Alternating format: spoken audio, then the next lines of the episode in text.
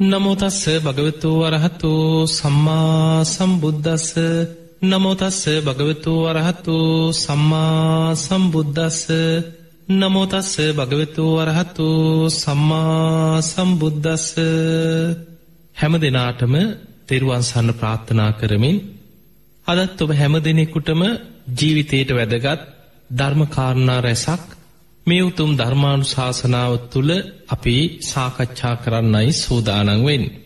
පිංහතුනේ තෙරුවන්සන්න ප්‍රාර්ථනා කරමින් අදත් ඔබ හැම දෙනෙකුටම ජීවිතයට වැදගත් ධර්මකාරණා රැසක් මේ උතුම් ධර්මාණු ශාසනාව තුළ අපි සාකච්ඡා කරන්නයි සූදානංවෙන්. පිංහතුනේ තව දින කීපයකින් ඇසල පුන් පොහෝ දවස උදාවෙන. ඇසල පෝයි කියලා කියන්නේ හැම බුදු කෙනෙක්ගෙම ජීවිතේ ප්‍රථම ධර්ම දේශනාව ධම්ම චක්කක් පවත්වන සූට දේශනාවෙන් ආරම්භ කෙරිච්ච දවස. අපේ බුදුරජාණන් වහන්ස විතරක් නෙමේ මේ විශ්වයේ මේ ලෝකෙ පහළවෙන හැම බුදුරජාණන් වහන්සේ නමක්ම ප්‍රථම ධර්ම දේශනාව සිදු කරන්නේ ධම්ම චක්කක් පවත්වන සූට්‍ර දේශනාවෙන්මයි. එනිසා මේ දම්සක් පැවතුන් සූත්‍රය ධම්ම චක්ක දේශනාව අපි ධර්මයේ හඳුන්වන්නේ අවිධහිත දේශනාවක් කියලා. අවිධහිත දේශනාවක් කියන්නේ හැම බුදු කෙනෙක්ම අත් නොහැර දේශනා කරන දේශනාවක්. ඊළඟට පිංහතුනී මේ විශ්වය තුළ බුදුරජාණන් වහන්සේලා සේවනය කරන වෙනස් නොවෙන හැම බුදු කෙනෙකුටම සාධහරණ භූමි හතරක් ගැන දේශනාවල සඳහන් වෙනවා. ඒ ස්ථානවලට ධර්මය හඳුන්වන්නේ සතර අවිධහිත පුුණ්‍ය භූමි කියලා. මෙන්න මේ සතර අවිධහිත පුුණ්‍ය භූමි වලට ඇතුළත් වෙන්නේ දඹදිව බුද්ධගයා වජරාසන පුුණ්‍ය භූමිය. හැම බුදුරජාණන් වහන්සේ නමක්ම බුද්ධත්වයට පත්වෙන්නේ දඹදිව මධ්‍ය දේශයේ පිහිටි මධ්‍ය පුුණ්‍ය භූමිය මත. මේ වජරාසන පුුණ්‍ය භූමිය ගැන දේශනාවල සඳහන් වෙනවා මේ විශ්වයක් මේ මහා කල්පයක් අවසන් වෙනකොට ඔබහල ඇති සත්ව සුරියෝද්ගමන සූත්‍රයේ සූරියාව හතකගේ ආලෝකයේ වැටිලා මේ පෘතුවිය පමණක් නෙමේ අකනිටා බමලව දක්වාම ගිනිගෙන විනාස වෙලා අලු දූවිලි බවට පත්වෙලා යන කාලයක් ගැන දේශනාවි සඳහන් වෙනවා. එහෙම විශ්වය විනාස වෙනකොට අවසානයට විනාස වෙන්නේ බුද්ධගයා වජිරාසන පුුණ්‍ය භූමිය පිහිටි තැනයි. ඒවගේමයි අටුවා ග්‍රන්ථවල සඳහන් වෙනවා ආයමත් පෘතුවයක් සකස් වෙනකොට මේ ලෝක දහතුවම ආයමත් සකස් වෙනතෙක් මේ සියලු සත්‍යයන් ආබස්සර නමින් අහස පාවිපාව ඉන්න කොටසක් බවට පත්වෙන. හැබැයි ආයමත් පෘතුවයක් හැදෙනකොට. බුද්ධගයා වජිරාසනී පිහිටි තැන ඉදං කියනවා සකස් වෙන්න පටන්ගන්න. ඒ නිසා එතන ධර්මී හඳුන්න්නේ දඹදිව මධ්‍ය දේශයේ පිහිටි මධ්‍ය භූමිය හැටියට. මේ භූමියේ හැම බුදු කෙනෙක්ම ලෝකෙ පහළ වෙන්න පෙර කල්පයක් ආරම්භ වෙනකොට. ඒ කල්පේ තුළ ලෝතුරා බුදුරජාණන් වහන්සේ නමක් මේ ලෝකෙ පහළ වෙනවා නං වජිරාසනය ළඟින් නෙළුම් මලක් මතුවෙලා පේන පටන්ගන්න. ඒ නෙළුම්මල දෙවියම් බ්‍රහ්මයන් දකිනෝ. දෙව්බඹුන් වජිරාසනයේ දිහා බලමින් සතුටු වෙනවා මේ කල්පේ තුළ බුදු කෙනෙක් ලෝකෙට පහළ වෙනවා. බුදු කෙනෙක් ලෝකයට පහළ වෙනවා කියලා කල්පය ආරම්භේදිම දෙව්බමුන් දැනගන්නේ වජිරාසනය ළඟින් නෙළුම් මලක් මතු වෙලාන. ඒවගේමයි වජිරාසනය ළඟින් නෙළුම් මල් දෙකක් මතු වෙලානම්. ඒ කල්පේ තුළ බුදුවරු දෙනමක් පහළ වෙනවා. වජිරාසනය ළඟින් නෙළුම්මල් තුනක් මතු වෙලා නම් බුදුවරු තුන්නමක් පහළ වෙනවා. වජිරාසනය ළඟින් නෙළුම්මල් හතරක් මතු වෙලා නං ඒක තේරුම තමයි ඒ කල්පේ බුදුරු හතර නමක් පහළ වෙනවා.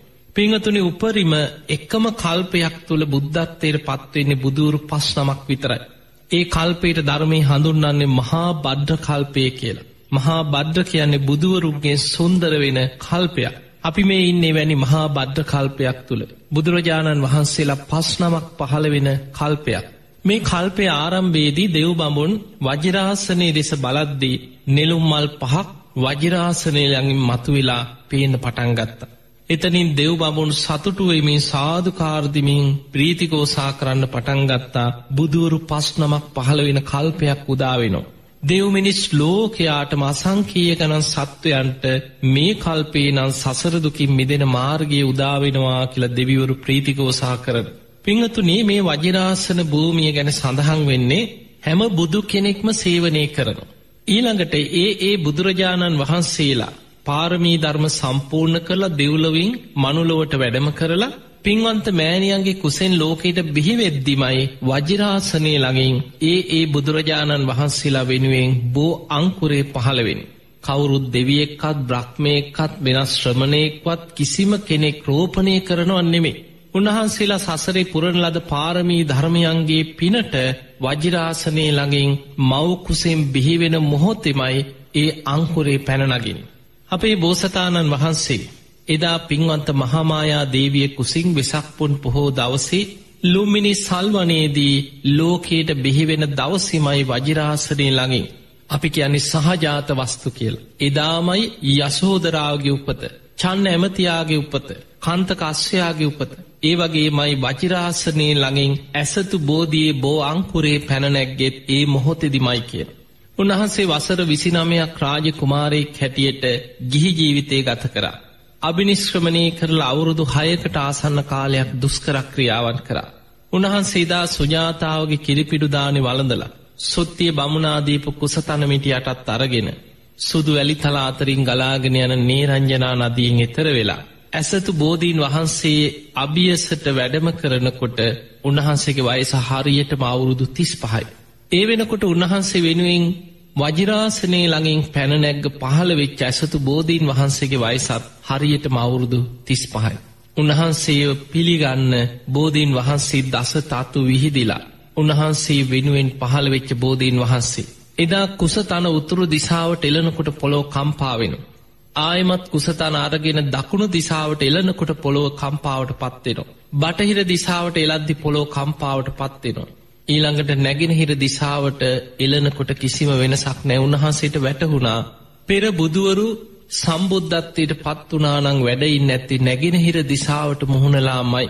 එදා නැගෙනහිර දිසාවට මුහුණලා කුසතන එලලා උන්වහන්සේ වැඩ සිටිය පුදුමාකාර අධිෂ්ඨානයක් පුදුම වීරයක්. මගේ ශරීරයේ සම්මස් වියලේවා.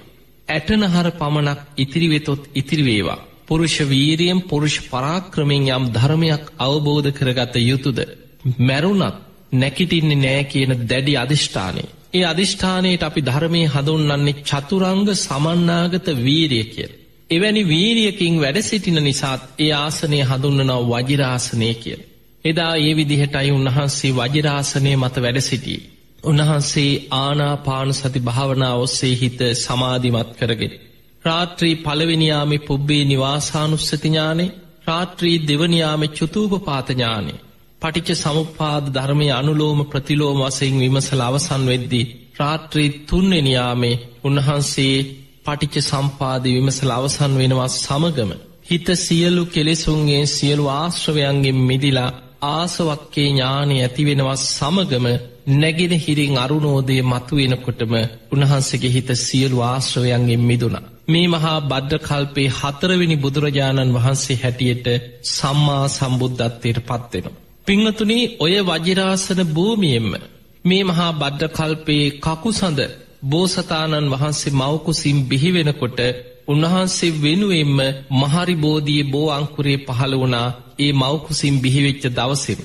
කෝනාගමන බෝසතාණන් වහන්සේත් මේ මහා බඩ්ඩකල්පයේ දෙවනි අන්තක් කල්පයේ පින්වන්ත මෑණියන්ගේ කුසෙම් බිහිවෙනකොට පාරමී සම්පූර්ණ කරලා බුද්ධත්වය පිණිස දිමුල් බෝධයේ බෝ අංකුරේ වජිරාසනය ළඟින් පැනනැක්ගේ ඒ මවකුසිම් බිහිවෙච්ච දවසමයි. ඒ වගේමයි මේ මහා බද්ධකල්පයේ තුන්ගෙනියට පහළවනේ කාශ්‍යප කියන බුදුරජාණන් වහන්සේ. එදා උන්වහන්සේ බෝසත් පුතෙක් හැටියට පින්වන්ත මෑණියන්ගේ කුසිම් බිහිවෙච්ච වෙසක් දවසමයි. වජිරාසනය ළඟින් නුග බෝධී බෝ අංකුරයක් පහළවෙන්න උන්වහන්සේ වෙනුවේ. එදකොට අපිට පේනවා වජිරාසන භූමිය ඒ පුුණ්‍ය භූමිය හැම බුදු කෙනෙක්ම පරිහරණය කරන තැන මේ විශ්වය තුළ එතන වෙනස් නොවෙන හැම බුදු කෙනෙකුටම සාධහරණ ස්ථානයක් හැටියටයි ධර්මය හඳුන්නන්. එනිසාප එතනට ධර්මය කියනවා අවිධහිත භූමිය. බුද්ධගයා දමදිව බුද්ධගයා වජිරාසන පුුණ්‍ය භූමිය කියන්නේ අවිධහිත පුුණ්‍ය භූමියක් හැම බුදු කෙනෙක්ම සේවනය කරන අසිරිමත් පිම්බිම. ඊළඟට පිංහතුනේ ප්‍රථම ධර්ම දේශනාව සිදුකරපු ඉසිපත්තන මිගදාය පුුණ්‍ය භූමියත් එවැනි අවිධහිත පුුණ්‍ය භූමිය. බුදුරජාණන් වහන්සේ බුද්ධත්වයට පත්වෙලා සත්සතිය ගත කරලා. උන්වහන්සේ පස්වෙනි සතියේදී අජපාල නුගරුක මුලදි තමයි විමසල බැලුවේ මේ ධර්මය නම් පරම ගහම්බේරයි. හැබැයි මේ ලෝකෙ මිනිස්සු කෙලෙස් සොලින්මයි සතුට හොයන් කෙලෙස් තුළමයි ජීවත්වෙන්නේ. මේ පංචකාමයන් තුළ බැසගෙන කෙලෙස් සොලින් සතුට හොයන මනුස්සයන්. මේ පරම ගහම්බීර ධර්මය අවබෝධ කරගනීවි දූ කියලා හිතනකොට උන්හන්සගේ හිතේ යම් පසු බෑමක් ඇතිවෙන. හැබැයි ඒ සිතුවිල්ල හිතට එනකොටම සහම්පති මහා බ්‍රහ්ම දෙවියන් උන්වහන්සේ ඉදිරී පෙනීඉඳල කියනවා නිදුකානන් වහන්ස දහම් දෙසන සේක්වා. සුගතයන් වහන්ස දහම් දෙසන සේක්වා. බුදු කෙනෙක් පහළ වෙලා ධර්ම දේශනා කරන්න උකටලියවුණොත් මේ ලෝකයාම නැසීයාවි වැනසීයාවි නිදුකානන් වහන්ස දහම් දෙසන සේක්වා කියලා ආරාධනයක් කර. ඒ වෙලාවේ උන්වහන්සේ බුදු වැසින් ලෝකෙ දිහා බලනවා ලෝකයා දකින්න හරියට නෙලුම් විලක් වගේ කියෙන්. උන්වහන්සේට තියෙනවා ලෝක සත්‍යයන්ගේ ඉන්ද්‍රිය ධර්මයන් දකින නුවන. ඒකට අපි ගැන ඉන්ද්‍රිය පරෝ පරියත්තේ ඥානේ. මේ සත්‍යයන්ගේ ධර්මාවබෝධ කිරීමේ කුසලතාව. කෙලෙස් අඩු අයින්නවා කෙලෙස් වැඩි අයින්නවා අල්පරජක්ක මහරජක්ක. ඒ අය අත්තර ධර්මාවබෝධයට පිනතිය නයින්නවා. බුදුරජාණන් වහන්සේ දකිනවා සමහර නෙලුම් පොහොට්ටු තියෙනවා වතුරෙන් උඩට මතු වෙලා. හිරු රැස් වැටෙන සැනින් විකසිත වෙන්න ආසන්නයි. ඒ වගේ ධර්මය ඇහුණොත් අවබෝධ කරගන්නවා. අහන්න නොලැබුණොත් පිරිහිලා යනම්. බුදුරජාණන් වහන්සේදා උදානයක් පලකරා මේ ලෝකයේ ධර්මාවබෝධයට පිනතියෙන ඉන්නවා භවිස්සන්ති ධම්ම සංඥාතාරු අවබෝධ කරන අය පහළ වෙනවා. අස්සවනතෝ ධම්මස්ස පරිහායන්ති. මේ ධර්මය අහන්න නොලැබුණොත් පිරිහිලා යනු.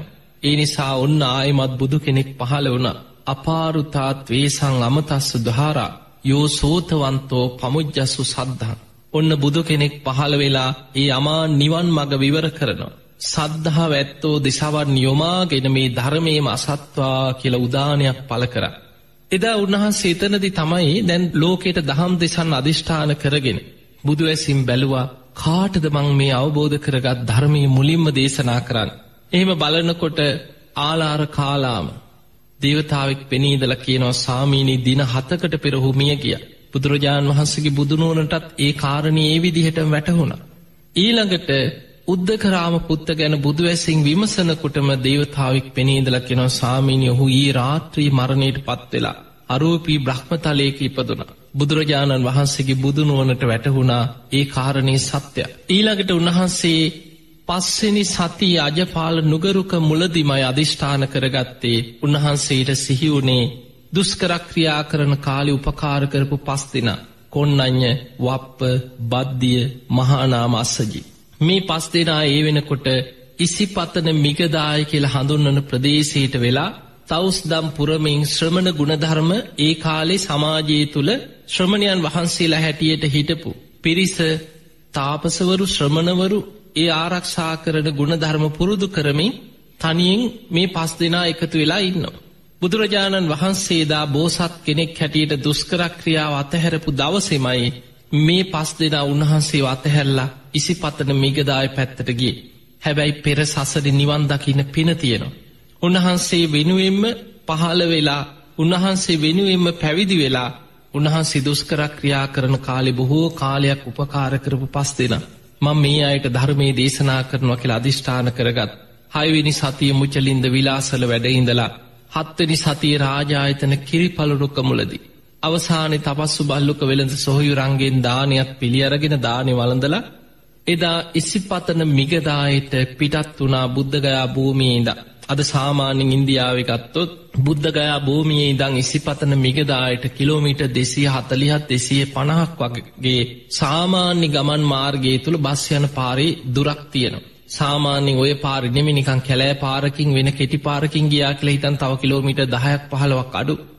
මේ දුර ප්‍රායෝගිකව ගත්තොත් බුදුරජාණන් වහන්සේට සතියක් ගත වෙනවා. සාමාන්‍යෙන් කිලෝමිට දෙසීයක් දෙසිය විස්සක් වගේ යාගන්න සතියකින් වගේ. බුදුරජාණන් වහන්සේ දවසකට යුදුම් කීපයක් වැඩම කරන උදේඉද.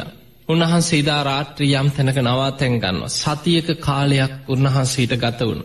එදා බුදුරජාණන් වහන්සේ ඇසල පුන් පොහෝ දවසේ මේ භූමියට වඩිනකොට පස්සක භික්‍ෂූන් වහන්සේලා ඈතින් දැක්කා අපේ බුදුරජාණන් වහන්සේ වඩිනෝ හැබැයි මේ බුදු වෙලා වඩිනෝ කියල විශ්වාස කරේ නෑ මේ අය කල්පනා කරාං අරඉන්නේ අරඉන්නේ ඇතින් ආය අපිෝ හොයාගෙන එනවා. අපි කිව්වා දුස්කරක්‍රියාවනං අතහරින්න එපා කියලා. කෝ ඇහුවද? අපි කියනදේ පිළිගත්තේ නෑ. පිඩ පාතයන්න පාත්‍රයක් අරගෙන දානවලදන්නගේ දැන් ඔය හොඳට ශරීරය හෙම ආයම සකස් වෙලා තියෙන් දැන් ඔය හොඳට ශරීර ශක්තිය හදාගෙන තියෙන්නේ. දැන් ඔය ආය අපේ උදව්ඉල්ලන්න එන්නේ.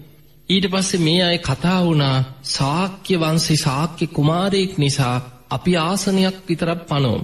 හැබැයි කවුරුත් විශේෂ ගරු සත්කාර කරන්න ඕන්න නෑ කියල්. එදකොට අපිට පේනවා ඒ කාලෙත් ගරු කරේ කුලේට සාක්‍ය වන්සේට.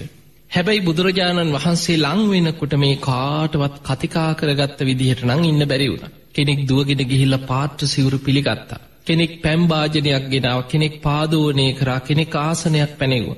මේ පස් දෙනාම පිළිවලින් බුදුරජාණන් වහන්සේට ගරු සත්කාර කරා.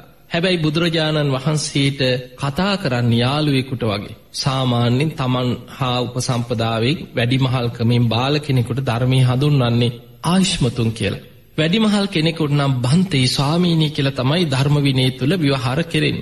දැම් මේ අයි බුදුරජාණන් වහන්සේට කතා කරනවා ආශ්මතුනි කියල කතාක බුදුරජාණන් වහන්සේ වදාලා ආශ්මතුන් කියන්න එපා. තතාගතයන් වහන්සේ සම්මා සම්බුද්ධයි. එදකොටත් කියන ඇ ආශ්මතුනි ඔබහන්සේ සම්මා සම්බුද්ධත්වයට පත් වුණ මේ තරම් වටින දුස්කරක්‍රියාව අතහැරලා සම්බුද්ධත්වයට පත් වුණ බුදුරජාණන් වහන්සේ දෙවනි වතාවත් කියා හිටිය ආශ්මතුන් කියන්න එපා. තතාගතයන් වහන්සේ දැන් සම්මා සම්බුදු කෙනෙක්. එතකොටත් කියනවා කොහොම දාශ්මතුනි අපි යෝක පිළිගන්න කිය. ආයිත් අර වචන කිව.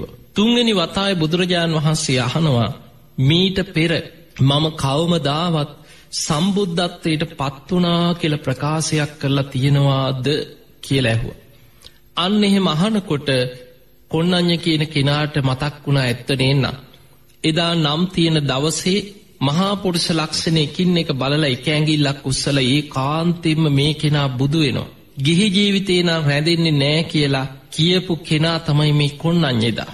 නම් තියෙන දවස හිටපු බමුණු එකසි අට දෙන අතර එදා හිටපු ලාබාලම දක්ෂම කෙනා. මතක් වුණා ඇත්ත නේන්න මේ මහාපුරුෂ ලක්ෂණ ඇති මහා පින්වන්ත කෙනා. මේ තරං කාලයක් දුස්කරක් ක්‍රියා කරා සිහිසුන් ඇදගෙන වැටුට මොන තරන් ශරීරයට දුක්තිමින් අවුරුදු හයකට ආසන්න කාලයක් දුස්කරක් ක්‍රියා කරාද. හැබැයි කවමදාවත් උතුම් මිනිස්කුණ ධර්මයක් මට ලැබුණා කියලා වචනකින් පොරුවක් කියපු නැති කෙනෙ. එහෙමනං අදම අපි හොයාගෙනාවේ ඒ කාන්තිම ඔය කියන විදිහට ඒ උතුම් ධර්මය අවබෝධ කරගෙනම වෙන්න ඇති. අර පස් දෙනාගෙන් විශ්වාසයක් ඇතිවට කොන්නඥ ස්වාමීන් වහන්සේට විතරයි. කොන්නඥන් වහන්සේ පමණක් විශ්වාසය ඇති කරගත්තා. ඒත් අනිත් අයට සැක ඔහොම කිව්වට ඉතින් දුස්කරක්‍රියාව අතහැල්ලා බුදු ඉන්න පුළුවන්ද ඔය සැකේ තිබුණ අනිත් හතර දෙනා.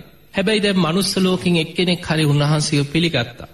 එදා හවස්සෙනකොට ඇස්සල සඳ අහසි නැගගෙනනවා. සඳේලියේ මුළු ඉසි පතන මිගදායි භූමිය මාලෝක් මත්වෙලා.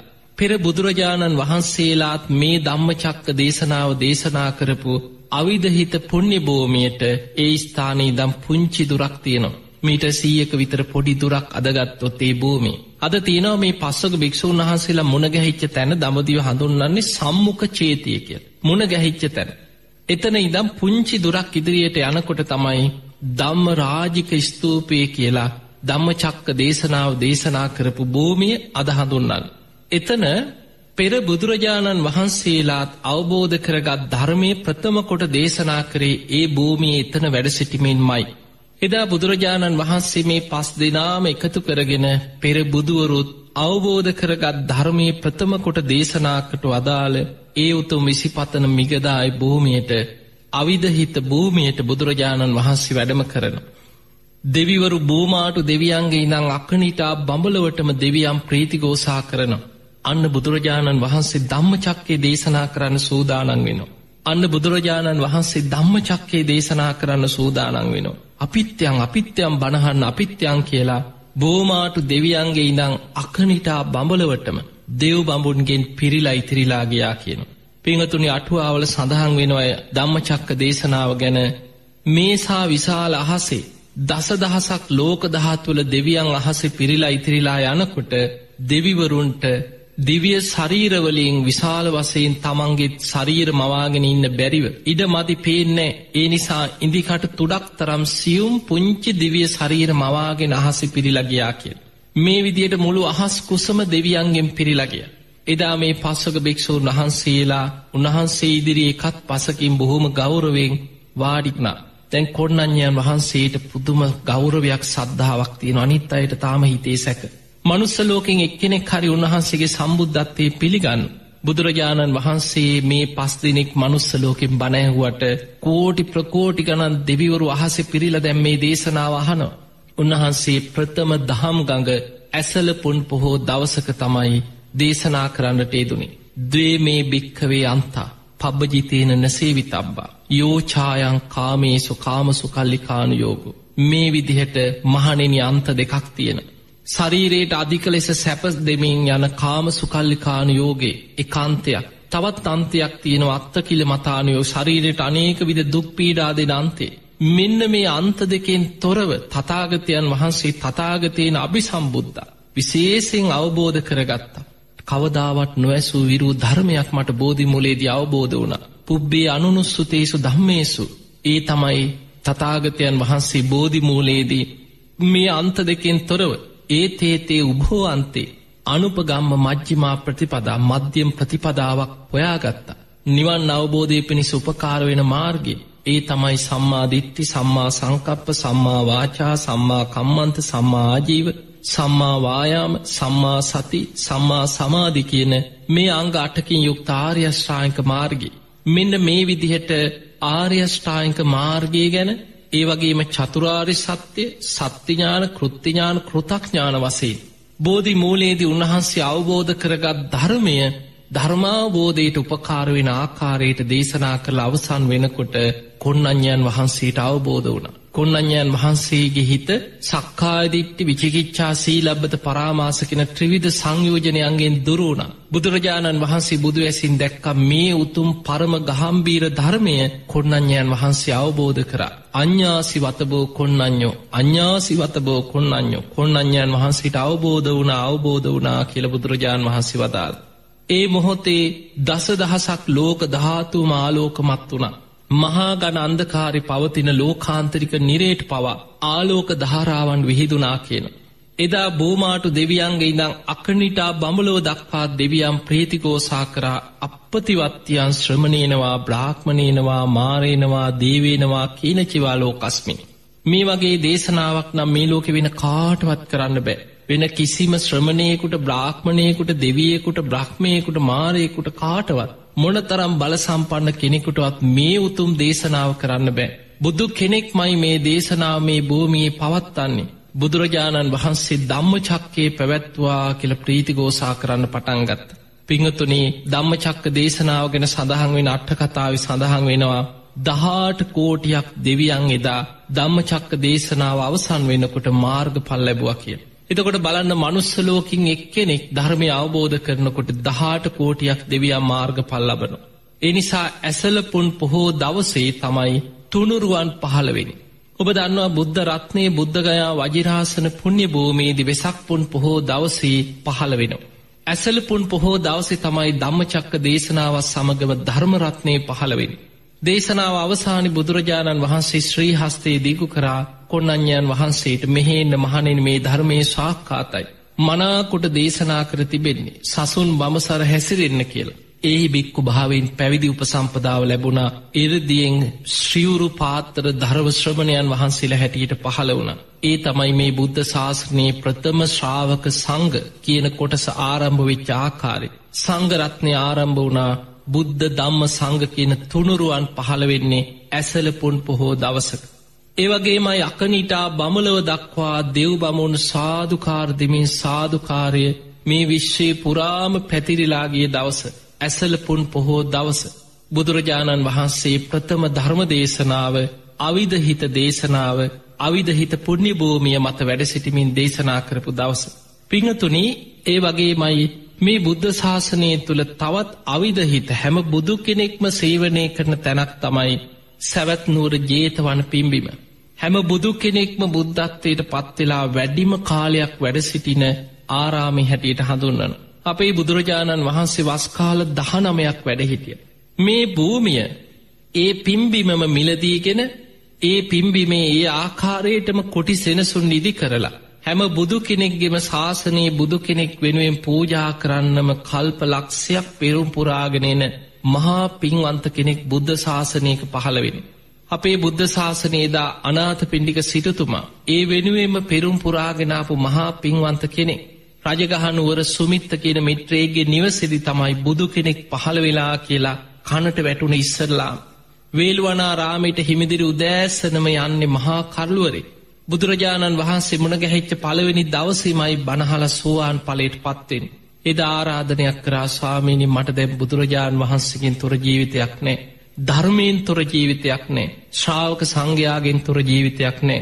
ස්වාමීනී භාගිතුන් වහන්ස සැවැත්නුවර කෝටි ගානක් මනුස්්‍යයන් ඉන්න විශාල නගරයක්.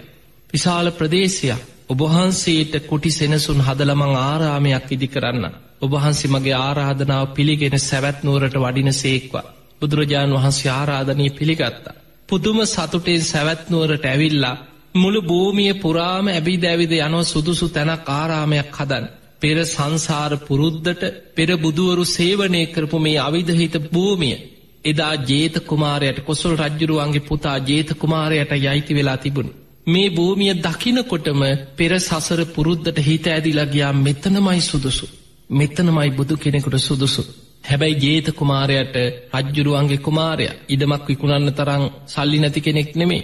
හැබැයි පිය රජ්ජුරුවන්ගේ හිතවතෙක් හිතවත් නගරේ ඉන්න ධනවත්ම ව්‍යාපාරිකය.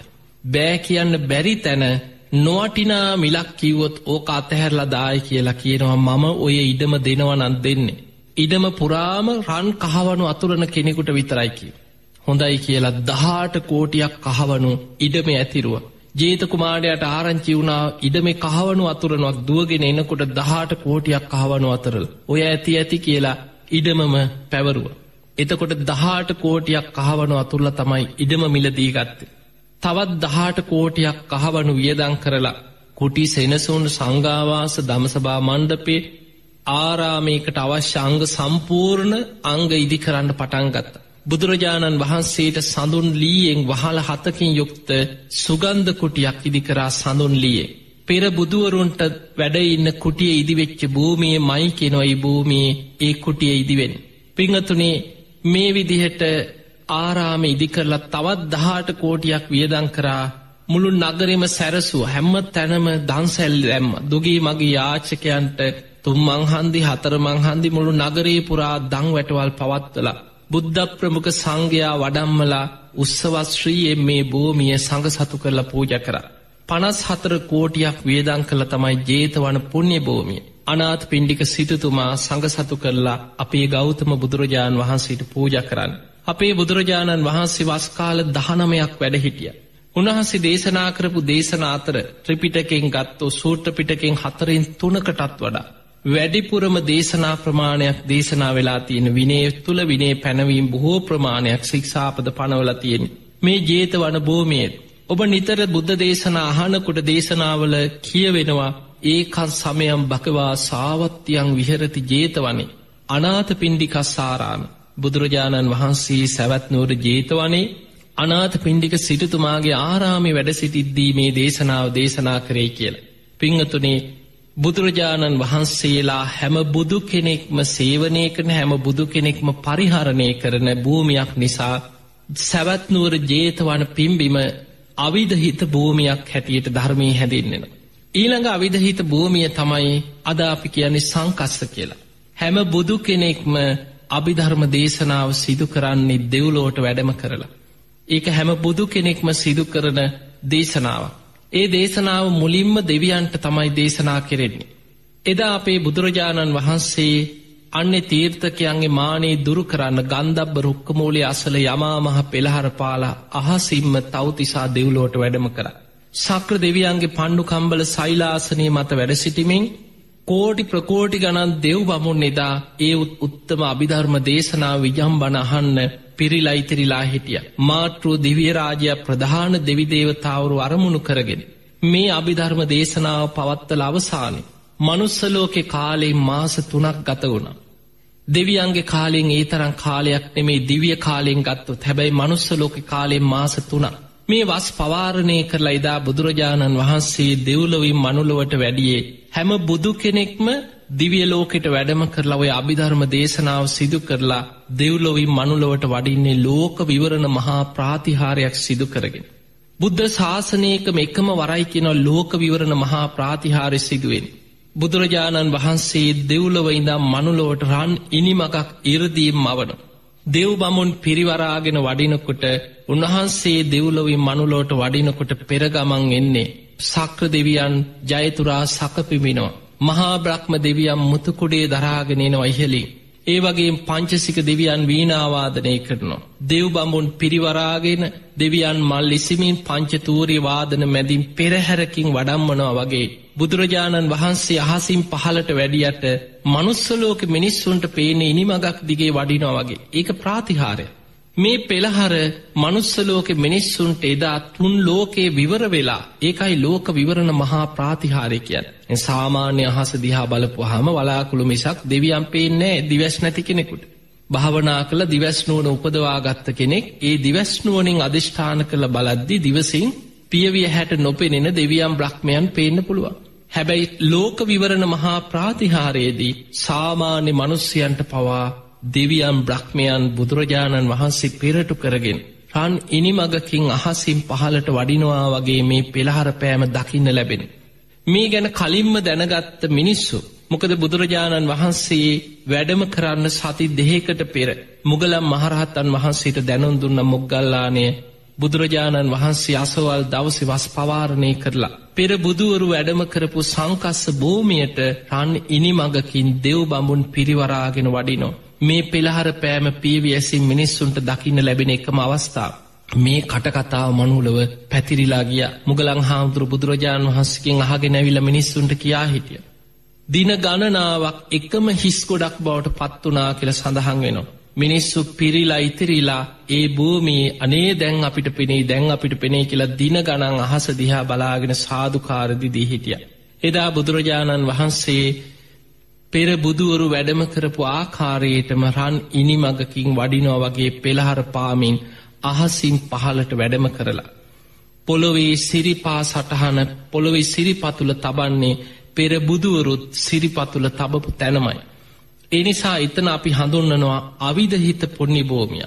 හැම බුදු කෙනෙක්ම අභිධර්ම දේශනාව සිදු කරලා ලෝක විවරණ මහා ප්‍රාතිහාරය සිදු කරමින් දෙව්ලොවී මනුලෝට වැඩම කරලා සිරිපතුල තබන තැන. පිංහතුනී මෙන්න මේ ස්ථාන හතර ධර්මය හඳුන්නන්නේ සතර අවිධහිත ස්ථාන. හැම බුදු කෙනෙක්ම බුද්ධත්වයට පත්වෙන්නේ මේ විශ්වයේ දඹදිව මධ්‍යදේශයේ පිහිටි මධ්‍ය භූමිය හැටියට හඳුන්නන වජිරාසන භූමිය මතදී. හැම බුදු කෙනෙක්ම ප්‍රථම ධර්ම දේශනාව සිදු කරන්නේ ඉසි පතන මිගදාය කියලා අදාපි හඳුන්නන භූමිය මතදිමයි. ඒ වගේමයි හැම බුදු කෙනෙක්ම බුද්ධත්වයට පත්වෙලා වැඩිම කාලයක් වැඩඉන්නේ අද අපි සැවැත්නෝට ජේතවනය කියල හඳුන්වන පුුණ්්‍ය භූමිය මතදීමයි. ඒවගේමයි හැම බුදු කෙනෙක්ම. දෙව්ලෝට වැඩම කර අභිධර්ම දේශනාව සිදු කරලා දෙව් බමුන් පිරිවරාගෙන ලෝක විවරණ මහා ප්‍රාතිහාරි සිදු කරමින්. දෙව්ලොවින් මනුලෝට වැඩම කරලා සිරිපතුල තබන්නේ එකම තැනක. ඒ ඒ බුදුරජාණන් වහන්සේලා අනුව ඒ නගරවල ජීවත්වෙන මනුස්්‍යයන් වෙනස් වෙනවා. ඒ ඒ නගරවල භාවිතාවෙන නම වෙනස් වෙනවා. හැබැයි ඒ භූමිය මේ විශ්වය තුළ වෙනස් නොවෙන භූමියක් හැටියට ධර්මී හැදින්නෙන. අන්නේ නිසා මේ සතර අවිධහිත පුුණ්්‍ය භූමි. ඒවගේමයි බුදුරජාණන් වහන්සේ සතර ස්ථාන හැටියට පිරිනිවන් මංචකේ දේශනා කරපු ස්ථාන හතරක් තියෙන. බුදුරජාණන් වහන්සේ පිරිනිවන් මංචකේ දේශනා කර ආනන්දේ බුදු කෙනෙක්ගේ ජීවිත ස්ථාන හතරක් තියෙනවා සද්ධාවන්ත කුලපුට්‍රයකුට විහාර චාරිකාවේ දෙමින් ඒ ස්ථාන දැකබලා වන්දනා කරගෙන. පහන් සංවේගෙන් ඒ ගැන සිහිකරගෙන මරණයට පත්වනොත් ඒ කාන්තයෙන් සුගතිය උපදිනවා කියලයි පෙන්නපු ස්ථාන හතරක්. ඒ සතර ස්ථානවලට අවිධහිත ස්ථාන දෙකක් ඇතුළත්වෙන. අනෙක් ස්ථාන දෙක තමයි හැම බෝසතාණන් වහන්සේ නමක්ම එකම තැනකින් එකම තැනක ඉපදීම සිද්ධ වෙන්නේ නෑ උපදින තැන වෙනස්වෙන. දැන් කකුසඳ බුදුරජාණන් වහන්සේ මවකුසින් බිහිවෙච්ච ඒ නගරම නෙමේ කෝනාගමන බෝසතාණන් වහන්සේ ඉපදුන. නගරි දඹදීවම තමයි නගරි වෙනස්සෙනවා. එතකොට අපේ බුදුරජාණන් වහන්සේ බෝසත් පුතෙක් හැටියට බිහිවෙච්ච ලුම්මිනි සල්වනේ බුදුරජාණන් වහන්සේ වදාලා තෙරුවන් සරණගේ ශ්‍රාවකයෙකුට අනේමන් සරණගේ බුදුරජාණන් වහන්සේ බෝසත් පුතෙක් හැටියට ඉපදුනේ මෙතන මේ භූමිය නේද කියලා දැකලා වන්දනා කළ අප්‍රමාණ පින් රැස් කර ගන්න පුළුව. ඊළඟට විහාර චාරිකායි වන්දනාව යන කෙනෙකුට මම සරණගිය බුදුරජාණන් වහන්සේ බුද්ධත්වයට පත්වනේ මේ භූමිය මෙතන නේද කියලා බුද්ධගයා වජිරාසනයේ අවිධහිත භූමිය දැකළ වන්දනා කළ පින් කරගන්න පුළුවන්. ඒවගේමයි මම සරණගේ බුදුරජාණන් වහන්සේ ප්‍රථම ධර්ම දේශනාව කරේ මේ භූමියේදා මෙතනදි නේද පස්සක භික්‍ෂූන්ට දහම් දෙසුයි. ඒ අවිධහිත භූමිය සියසින් දැකළ වන්දනා කළ අප්‍රමාණ පින් රැස් කරගන්න පුළුව. ඒවගේ බයි බුදුරජාණන් වහන්සේ වදාළ මහනෙනි තතාගතයන් වහන්සේ පිරිනිවන් පාන. ඒ කුසිනාරාවේ මල රජදරුවන්ගේ උපවර්තන ශාල වනෝද්‍යානයක් සියසින් දැකලා මම සරණගිය බුදුරජාණන් වහන්සේ පිරිනිවන් පැවි මෙතන නේද කියලා ඒ භූමිය දැකළ වන්දනා කරගත්තු. ඒ සතර ස්ථාන සිහි කර කර. කෙනෙකුට මරණ මංචකේ සිහි වුණොත් ඒ කෙනා ඒ කාන්තෙන් සුගතිය උපදිනවා කියල බුදුරජාණන් වහන්සේ වදාලා. එහෙමනං මේ සතර ස්ථාන ඒවගේම සතර අවිධහිත ස්ථාන බුද්ධ ශාසනයක් තුළ තියෙන පූජනියම පුුණ්‍ය භූමි. එනිසා සතර ස්ථානවලටත් අයිති සතර අවිධහිත ස්ථානවලටත් අයිති භූමියක් තමයි ඉසි පතන මිගදායි. බුදුරජාණන් වහන්සේ ප්‍රථම ධර්ම දේශනාව සිදුකරපු භූමි. තිං එනිසා ඇසලපුන් පොහෝ දවස මේ ඇසල මාසේ වෙන ඇසලපුන් පොහෝ දවස කියන්නේ අපි කාගේ ජීවිතයට තුනුරුවන් පහළවෙච්ච. බුදු කෙනෙක්ගේ ධර්මයේ ලෝකයට ව්‍යාප්ත කරන්න ආරම්භ වෙච්ච පුන් පොහොයි.